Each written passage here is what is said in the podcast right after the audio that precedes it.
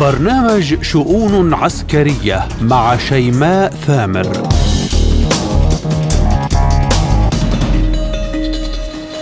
مرحبا بكم. أمين عام الناتو يقول غيروا سياستكم مع موسكو بعد أن أحبطت التمرد والدفاع الروسية تقطع تمويل فاغنر ما لم توقع عقودا معها. البنتاغون يؤكد انهيار القوات الأوكرانية وشيك لا محالة وأوستن ونظيره يسعيان لدعم إضافي لكييف. ما خيارات الناتو الجديدة؟ وكيف سيتعامل مع روسيا بعد فشل زعزعة الداخل الروسي؟ إيران تعزز دفاعاتها مع أفغانستان. مشاكل المياه الإرهاب ومآرب أخرى أسباب حقيقية لتلك الدفاعات.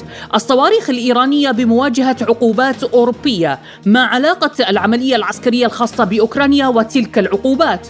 أوروبا تقول بدات طهران بدفع ضريبة الصداقة المتينة مع موسكو. حرب شاملة ضد أمريكا. هذه هي السيناريوهات التي يحاكيها الجيش الصيني. نتنياهو حليف واشنطن قريبا سيحل ضيفا في بكين. ولسان الأخيرة يقول لسانكم معسول ولكن أفعالكم مرة. كل ذلك وأكثر بحلقة اليوم من شؤون عسكرية. عبر وكالة سبوتنيك الإخبارية بموسكو أصحبكم بها أنا شيماء ثامر تفاصيلها بعد الفاصل.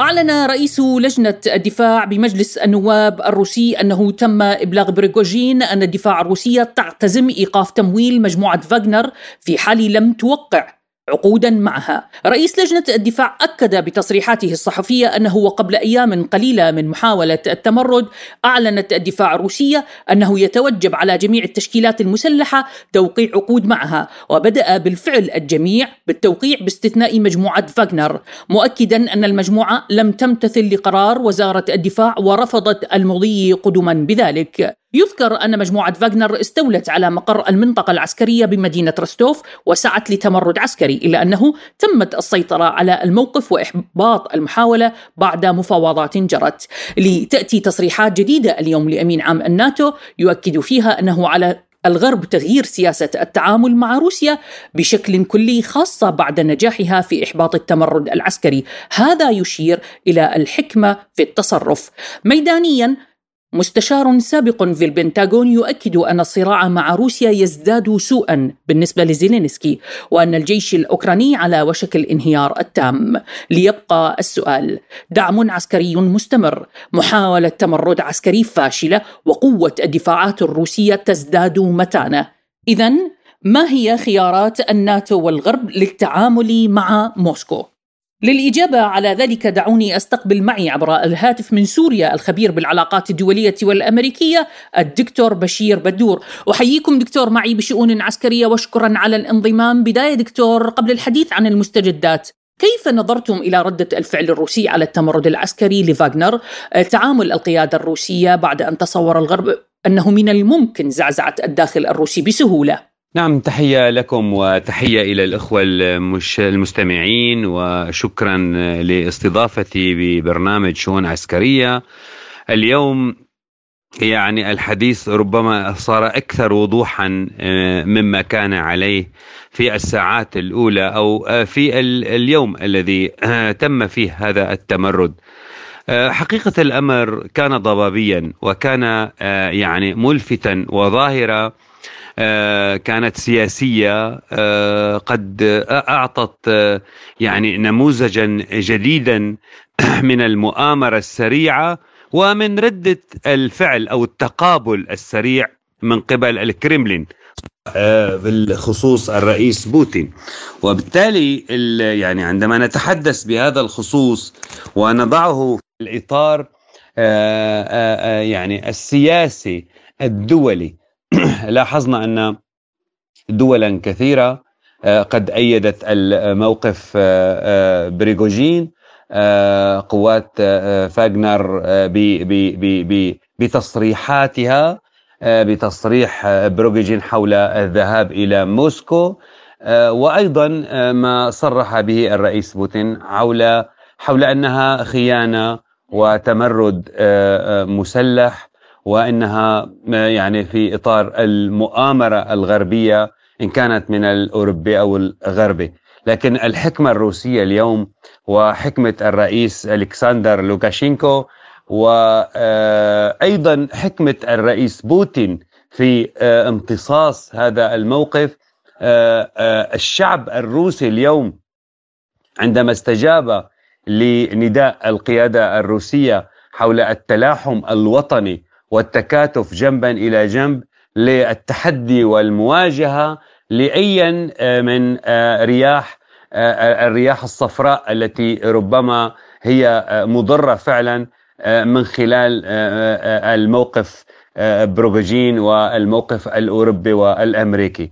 بطبيعة الحال يعني أنا أعتقد أنها كانت قمة الحكمة في تصرف الرئيس بوتين وتدخل الرئيس الكسندر لوكاشينكو يعني ب أيضا بخروج الملف بطريقة فعلا هادئة وبالتالي تعطيل المؤامرة وتعطيل ما كان يحلم به الغرب من تداعيات من يعني اي أي مسار سياسي كان يريده الغرب.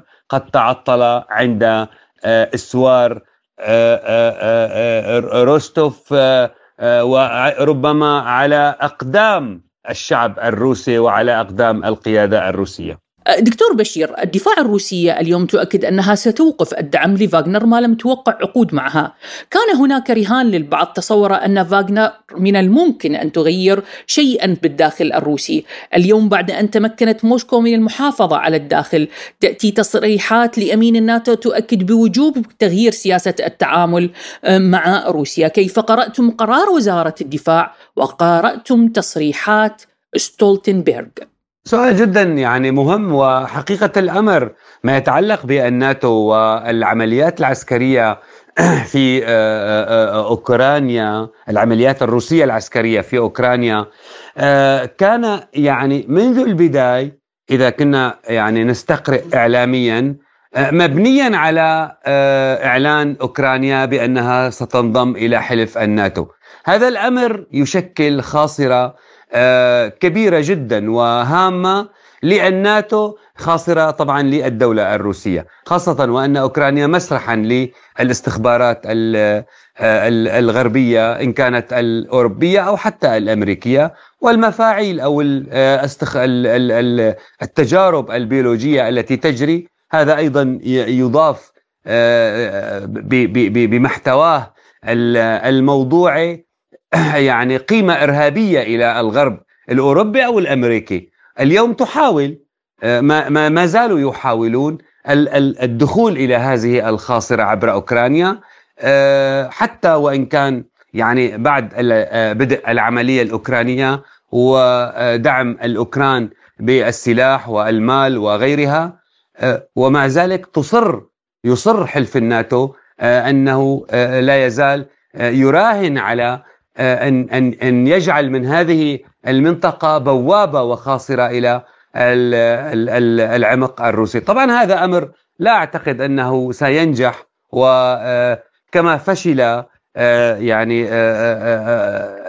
يعني الآن ببروجين وقوات فاغنر بتصريحاتهم النارية وأنهم سيدخلون إلى الكرملين وأنهم سيحاسبون آه، وزير الدفاع وغيرها أيضا يعني تتحطم وتتكسر آمال الغرب والناتو اليوم على أسوار آه، يعني آه، روسيا وموسكو وتلاحم القيادة الروسية والجيش الروسي جنبا إلى جنب في إطار كل ما يحاك لها من مؤامرات غربية أوروبية أمريكية. آه، طيب دكتور بطبيعة الحال فاغنر اليوم في بيلاروسيا بولندا تقلق وتعزز دفاعاتها العسكرية. انتقال فاغنر إلى آه، بيلاروسيا كيف سينعكس على الحدود؟ كيف تنظر إلى ذلك الجانب؟ يعني دعينا نتحدث عن الاحتواء. كانت سياسة الاحتواء آه، من قبل الرئيس الكسندر لوكاشينكو وأعتقد أنها ليست سياسة آه، أحادية يعني هي بالتزامن هي أعتقد أنها ثنائية مع الرئيس بوتين. آه، وبالتالي اليوم هذا الاحتواء تجاه بريغوجين هذا العمل السياسي الدؤوب المتواصل خلال ساعات لم يمضي على تصريحات بريغوجين لأكثر من 24 ساعة. آه، آه، استطاعوا اليوم إن كان الرئيس ألكسندر لوكاشينكو أو الرئيس بوتين يعني عبر احتواء الموقف وسحب البساط من قبل من دعم آه، قوات فاغنر. يعني كانت جدا هامة وجدا ملحوظة وجدا ذات أبعاد يعني استراتيجية تجاه يعني ما ما جرى. يعني ربما لو لو ترك الأمر لتصريحات بروجين ودعم الغرب له آه، من خلال انشقاقه من خلال إعلانه أنه سيزحف, إلى الكرملين أنه سيسقط النظام في في روسيا سيحاسب وزير الدفاع. إذا كانت تصريحات كبيرة ونارية جدا.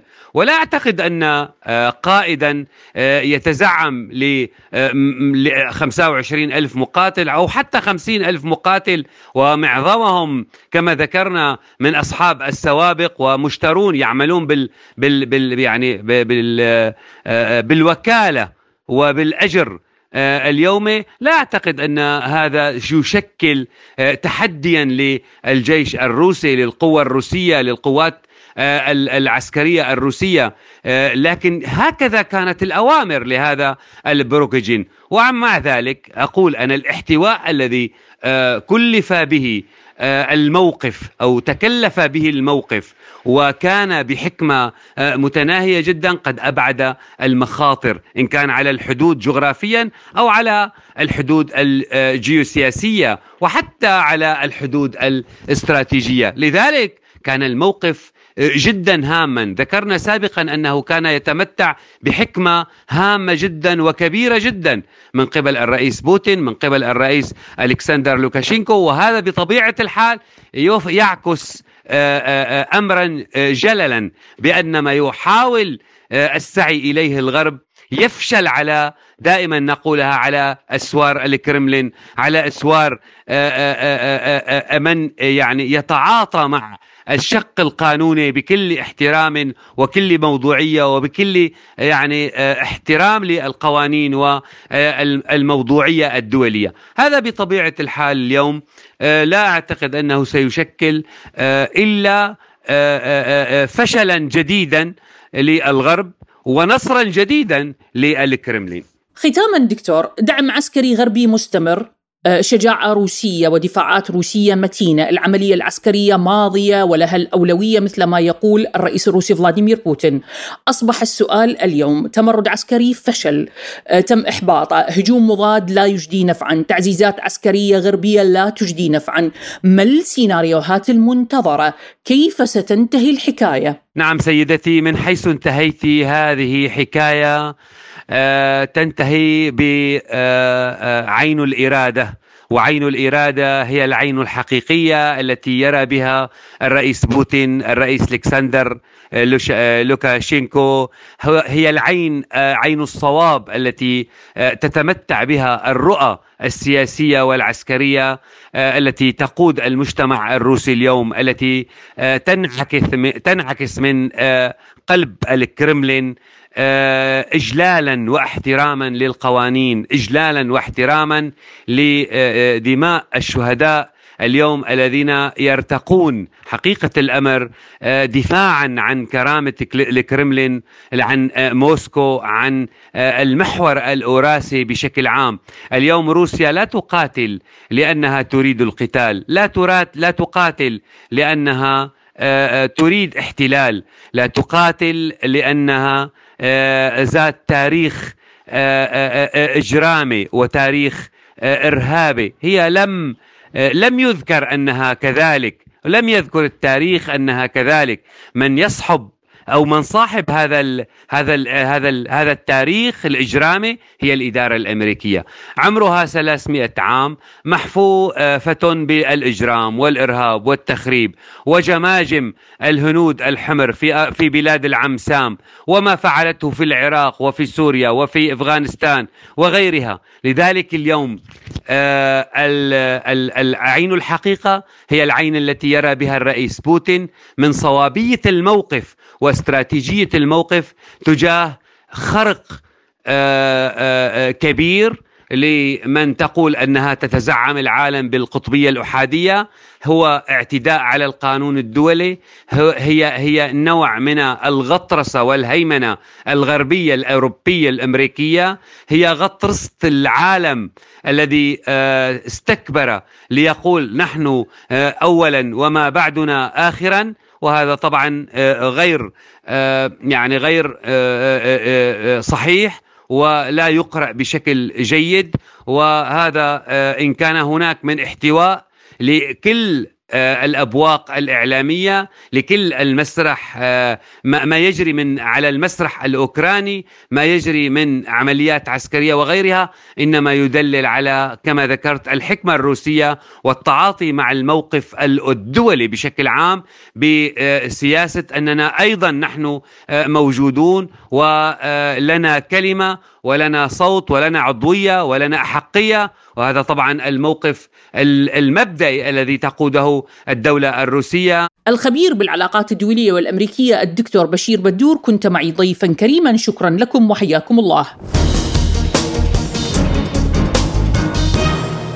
إلى الملف الإيراني. أعلن قائد حرس الحدود الإيراني أحمد كودزيري تعزيز الجمهورية العسكرية الإيرانية للجهوزية العسكرية الدفاعية على الحدود الشرقية. الحديث طبعا عن الحدود مع أفغانستان.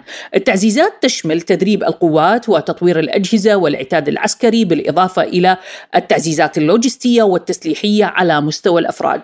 من جهة أخرى العقوبات الأوروبية على الصواريخ الإيرانية باقية. عزل الاتحاد أسبابها إلى الدعم العسكري الذي تتحدث عنه واشنطن من قبل طهران لموسكو بالعملية العسكرية الخاصة. فما الأسباب الحقيقية وراء تلك العقوبات؟ وما موجبات ومسببات التعزيزات الدفاعية مع أفغانستان؟ للحديث بشكل موسع ينضم معي من إيران الباحث بالشأن الإيراني الأستاذ صالح القزويني. أهلا بكم أستاذ صالح معنا. أه، بداية تعزيزات عسكرية دفاعية على الحدود مع أفغانستان ما موجباتها ما أسبابها؟ بسم الله الرحمن الرحيم. أه، تحية لكم ولكل مستمعي سبوتنيك. أه، في الواقع إيران بغض النظر عن قضية التوتر الذي يطرأ بين فترة وأخرى على الحدود الإيرانية الأفغانية. أحيانا آه، يأتي نتيجة مطاردة مهربين أو أو تسلل جماعات أو غير ذلك. آه، ولكن بشكل عام إيران آه، تسعى إلى حل مشاكلها مع أفغانستان. عبر التفاوض وعبر المباحثات لأنها آه، لا تريد أن أن تتصاعد الخلافات وتتصاعد المشاكل آه، إلى آه، طريق مسدود وإلى مواجهة عسكرية بين إيران وبين القوات قوات طالبان. في المناطق الحدودية. آه، لكن هذا لا يمنع يعني أن أن يكون مبدأ إيران آه، تجنب الاشتباك وتجنب المواجهات. آه، لا يمنع من أن تكون إيران أن تعزز يعني مناطقها الحدودية وتقوم بسد كل المنافذ التي يمكن أن تدخل إليها آه، بعض الجماعات المسلحة آه، بعض من يريدون أن يحدثوا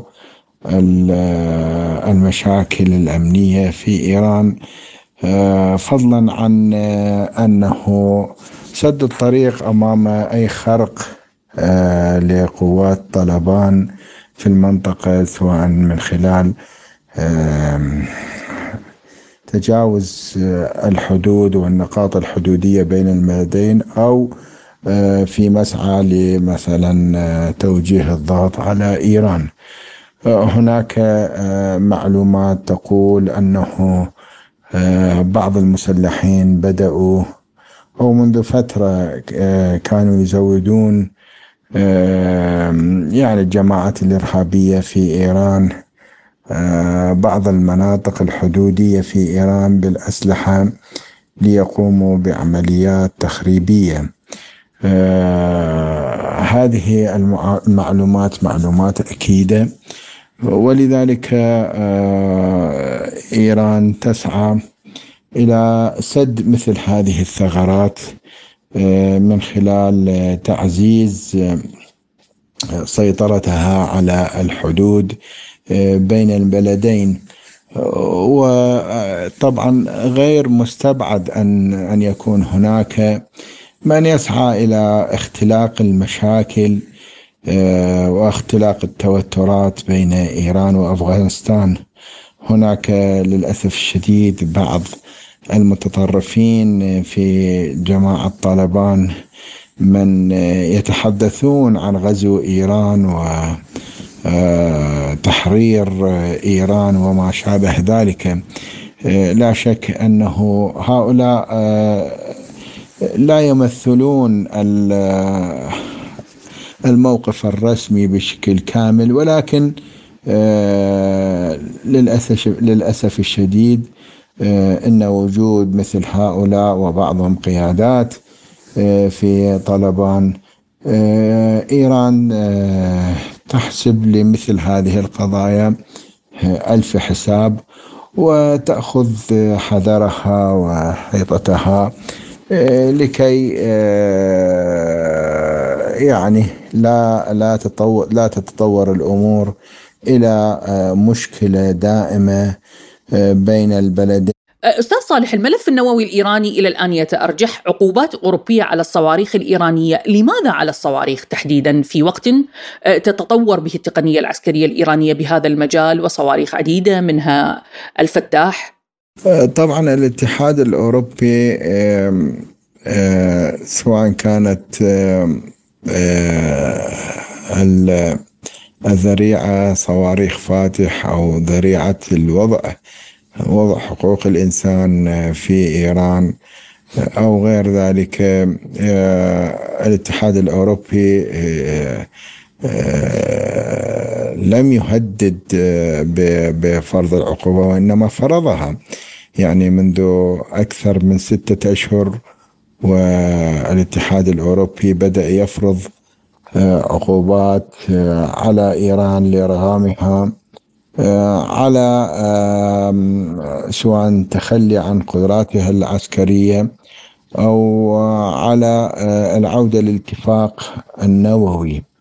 وللأسف الشديد آه، يعني هناك نوع من التناغم آه، بين الموقف الأمريكي والموقف الأوروبي تجاه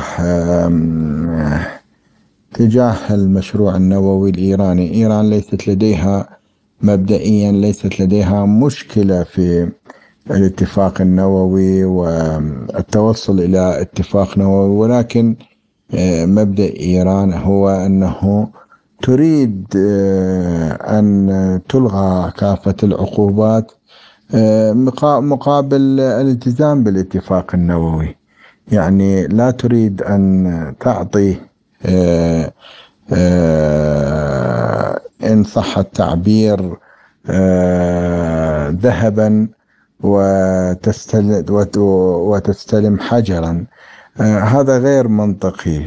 إيران تقول وبصريح وبصراحة وبصريح العبارة أننا في مقابل التزامنا بالاتفاق النووي فإننا نريد آه، التزام الطرف الآخر بإلغاء العقوبات. أما آه، لماذا في الوقت الراهن آه، تزايدت العقوبات الأوروبية؟ أنا أعتقد أنه ما تفضلتم به مجرد ذريعة. قضية صواريخ فاتح و غير ذلك من القدرات العسكرية الإيرانية كل هذا ريعة ختاما أستاذ صالح هناك من ربط بين العقوبات على الصواريخ من قبل أوروبا والعملية العسكرية الخاصة بأوكرانيا تحت ذريعة دعم طهران لموسكو، كيف قرأتم ذلك؟ بالنسبة إلى القضية الأوكرانية وموقف إيران في ذلك الجماعة يعلمون جيدا أنه هذا الموقف موقف يعني قضية يعني انحياز إيران في الحرب الأوكرانية. هاي مجرد كلام فاضي لا أساس له بتاتا. إيران أعلنت بشكل صراحة وعلى لسان أكبر مسؤوليها أنه إذا كان هناك تعاون عسكري بين إيران وروسيا فهو آه، ما قبل الحرب الأوكرانية هناك التزامات إيرانية آه، في هذا الإطار وعليها علي على إيران أن تنفذ هذه الالتزامات. أما ما ما يتحدث به الطرف الآخر آه، فمجرد ضجيج إعلامي يهدف إلى الضغط على إيران من جهة وتشويه سمعة إيران من جهة أخرى. وكذلك الحال يعني منع اقتراب أي دولة من إيران. وكذلك الحال ربما يكون أحد الأهداف استصغار آه، شأن روسيا والإيحاء بأن روسيا محتاجة إلى إيران ولولا إيران ما كانت آه، بإمكانها أن تحقق شيئا في أوكرانيا. هذا جانب. جانب آخر أنه أنا أميل إلى ما تحدث به آه، يعني مسؤول إيراني عندما قال أن الطرف الآخر هناك جبهة موحدة آه، جبهة غربية واسعة آه، اصطفت إلى جانب أوكرانيا. فالطرف الآخر لا يريد أن يقول أنه ضد روسيا وإنما يريد أن يقول أنه أمامه جبهة أخرى وهي جبهة روسيا والصين وروسيا البيضاء وبعض الدول الأخرى بالإضافة إلى إيران. يريد أن يقول أننا لا نقاتل روسيا لوحدها وإنما نقاتل عدة دول نقاتل تحالف كامل آه، وأحد آه، أعضاء هذا التحالف هو إيران. لذلك آه، يعني يثير هذا الموضوع يوجه الاتهامات لإيران وهو يعلم جيدا أنه إيران آه، موقفها محايد في هذه الحرب آه، وطالما سعت إلى إنهاء الحرب وطالما تحدثت عن آه، عن إنها لا تنحاز إلى أي طرف وطالما تحدثت عن أن المسيرات المسيرات التي زودتها آه، لروسيا. كانت قديمة آه، وقبل الاتفاق. وطالب يعني حتى أنه جرت جرت مفاوضات بين الطرف الإيراني والأوكراني في عمان آه، حول قضية تزويد إيران لروسيا بالمسيرات الإيرانية. فطالب الطرف الإيراني من الطرف الروسي على أن يقدم أدلة ووثائق رسمية حول هذا الاتهام آه، ولكن الطرف الأوكراني عجز عن ذلك مما يشير إلى أن الموضوع برمته آه، مجرد حرب إعلامية وهجمة إعلامية ضد إيران آه، أشرت آه، في هذا السؤال وفي سؤال سابق إلى ما هو الهدف من هذه الهجمة والتهويل الإعلامي. الباحث بالشأن الإيراني الأستاذ صالح القزويني شكرا لكم وحياكم الله. إلى الصين. بعد فشل زيارة بلينكن إلى الصين وكلامه المعسول الجيش الصيني يحاكي سيناريوهات حرب شاملة مع أمريكا. التي تعزز قواعدها العسكرية في اليابان وغيرها. هذا هو المشهد اليوم بين الصين وأمريكا. الحديث عن زيارة نتنياهو إلى الصين بطبيعة الحال حليف لواشنطن ضيفا على بكين. ما الأسباب؟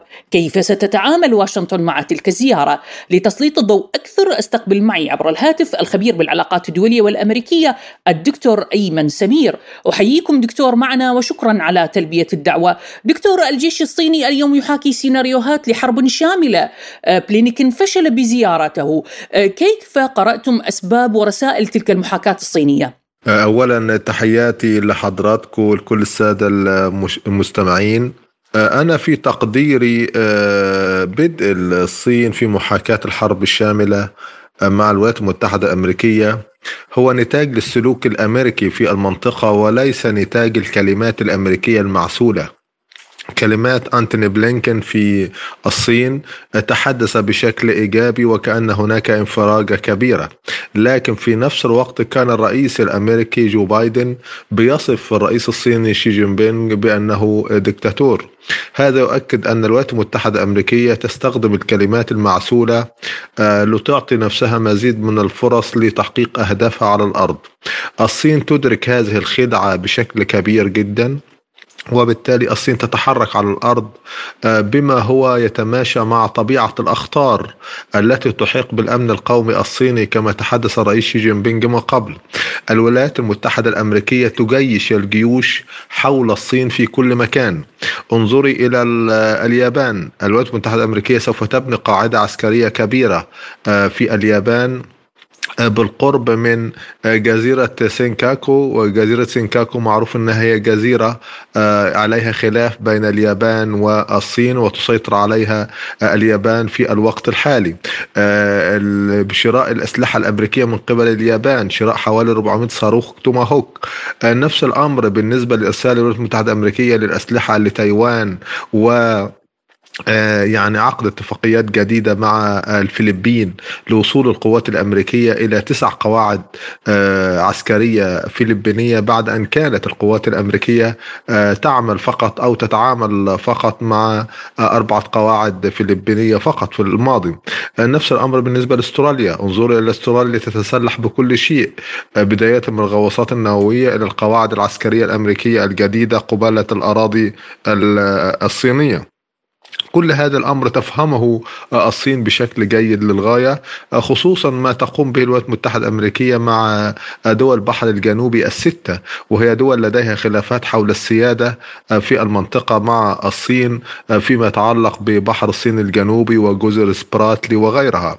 لكل هذا الصين ليس لديها وهم بأن الولايات المتحدة الأمريكية أصبحت صديقة للشعب الصيني بعد زيارة أنتوني بلينكن بالعكس الصين تدرك هذه المخاطر وتتعامل تتعامل وفق هذه المخاطر على الأرض بتعزيز بنيتها الداخلية بتعزيز نسيجها الوطني الداخلي أيضا بعقد اتفاقيات صداقة مع جيرانها حتى لا تستغل الولايات المتحدة الأمريكية هذا الأمر. النقطة الأخيرة أيضا تعزز قوتها الشاملة سواء القوى البرية أو البحرية أو الجوية بالإضافة طبعا لقوتها السبرانية وقوتها الفضائية معروف أن الصين من أكثر الدول الآن التي لديها ما يسمى بالمركبات الانزلاقية وهي تتفوق على الولايات المتحدة الأمريكية في هذا الأمر. آه، طيب دكتور هناك زيارة لنتنياهو إلى الصين هو حليف قوي لواشنطن. آه، كيف قرأتم تلك الزيارة؟ تداعياتها بطبيعة الحال؟ واشنطن لن ترضى على تلك الزيارة. إذا كيف سيكون رد الفعل الأمريكي؟ أنا في تقديري زيارة نتنياهو للصين لها أكثر من بعد. البعد الأول يتعلق بالعلاقات الصينية الإسرائيلية وهي علاقات بالمناسبة قوية للغاية. يعني أنا في تقديري علاقة الصين بإسرائيل ربما تكون أكثر بكثير من علاقة الصين بالدول العربية. ونتذكر امرا واحدا يؤكد هذا الأمر. عندما كانت جائحة كورونا وكان هناك حظر على الخروج من الولايات المتحدة الأمريكية وما كان لا يستطيع أي مواطن أو وزير يخرج من البيت أخذ آه، وزير الخارجية الأمريكي آه، السابق آه، مايكو بومبيو الطائرة وذهب لمهمة واحدة إلى إسرائيل وسط الإغلاق وبقرار أبو موافقة من الكونغرس. ذهب إلى إسرائيل لأمر واحد والهدف واحد وهي أن تقلل علاقتها وخصوصا فيما يتعلق بالتكنولوجيا الفائقة مع الصين. هذا يثبت أن العلاقة الصين بإسرائيل علاقات قوية للغاية. لكن أنا في تقديري الأهم الآن هو دلالة هذا التوقيت. نتنياهو يذهب إلى الصين فيما واشنطن تغلق الأبواب في وجه إسرائيل. لذلك هو يريد أن يقول للولايات المتحدة الأمريكية أن إسرائيل أو أن لديه هو شخصيا آه، يعني بدائل أخرى. لكن في نفس الوقت يمكن لإسرائيل ويمكن لنتنياهو أن يحاجج بأن زيارته إلى الصين الهدف منها هو إبقاء الولايات المتحدة الأمريكية في منطقة الشرق الأوسط. لأن الحسابات الإسرائيلية بتقول أن الولايات المتحدة الأمريكية في الفترة الماضية كانت تتبنى سياسة الاتجاه شرقا أو ترك منطقة الشرق الأوسط والاتجاه لمنطقة شرق وجنوب شرق آسيا. أه وجهة النظر الإسرائيلية أن استحضار الصين ولو بطريقة أخرى آه، في الشرق الأوسط قد يدفع الولايات المتحدة الأمريكية إلى البقاء في الشرق الأوسط وتعزيز وجودها في الشرق الأوسط. إسرائيل بتعتقد أن هذه الخطة عن طريق استحضار الصين وإبقاء الولايات المتحدة الأمريكية في الشرق الأوسط يعزز من الموقف الإسرائيلي ضد إيران لأنهم يعتقدون أن آه، آه، إيران هي الخطر الكبير على إسرائيل في هذا التوقيت. آه، لذلك أنا في تقدير الحسابات الإسرائيلية تقوم على هذا الأمر رغم أن هناك قراءات إسرائيلية مختلفة. لهذه الزيارة مثلا تقول بأن زيارة نتنياهو إلى الصين خطأ استراتيجي. أنا في رأيي هذه الزيارة في غاية الأهمية تعطي رسالة للولايات المتحدة الأمريكية بأنها ليست وحدها في العالم. وأن هناك أقطاب أخرى تستطيع أن تقوم آه، بما فشلت فيه حتى الولايات المتحدة الأمريكية. لو تحدثنا عن عملية السلام ماذا فعلت الولايات المتحدة الأمريكية لعملية السلام بين الإسرائيليين والفلسطينيين؟ لا شيء.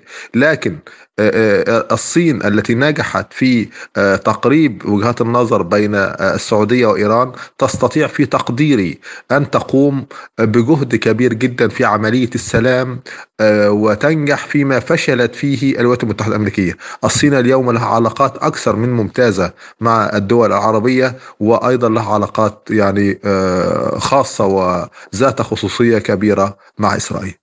ختاما دكتور أيمن أختتم معكم من عنوان مقالكم الأخير الذي آه، نشرتموه.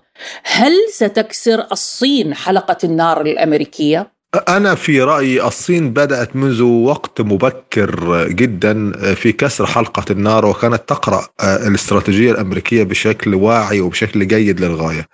الدليل على ذلك الحديث الأمريكي عن وجود قاعدة صينية في كوبا. الصين تتحرك حتى في المناطق الجغرافيا القريبة من الولايات المتحدة الأمريكية.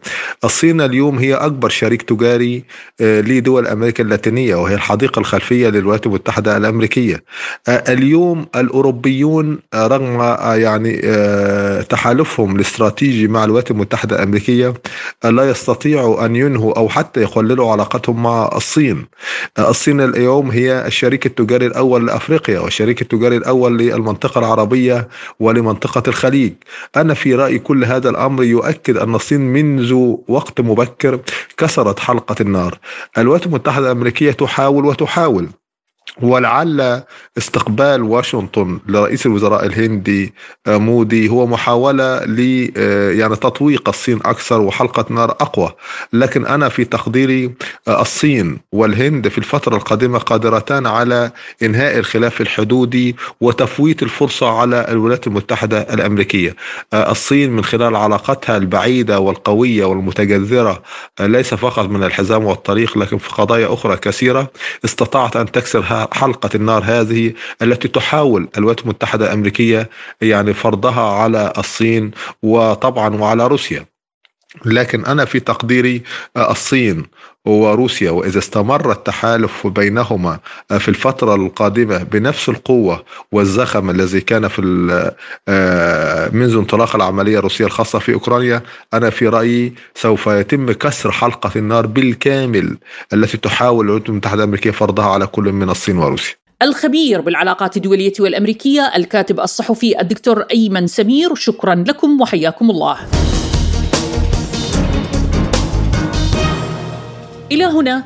أصل وإياكم مستمعينا الكرام لختام حلقة اليوم من شؤون عسكرية رافقتكم بها بإعدادها وتقديمها محدثتكم الدكتورة شيماء ثامر. شكري موصول لضيوفي كل من الخبير بالعلاقات الدولية الدكتور بشير بدور الباحث بالشأن الإيراني الأستاذ صالح القزويني الخبير بالعلاقات الدولية والأمريكية الدكتور أيمن سمير. للمزيد زوروا موقعنا الإلكتروني arabicsputnik.ie دمتم بأمان الله وحفظه.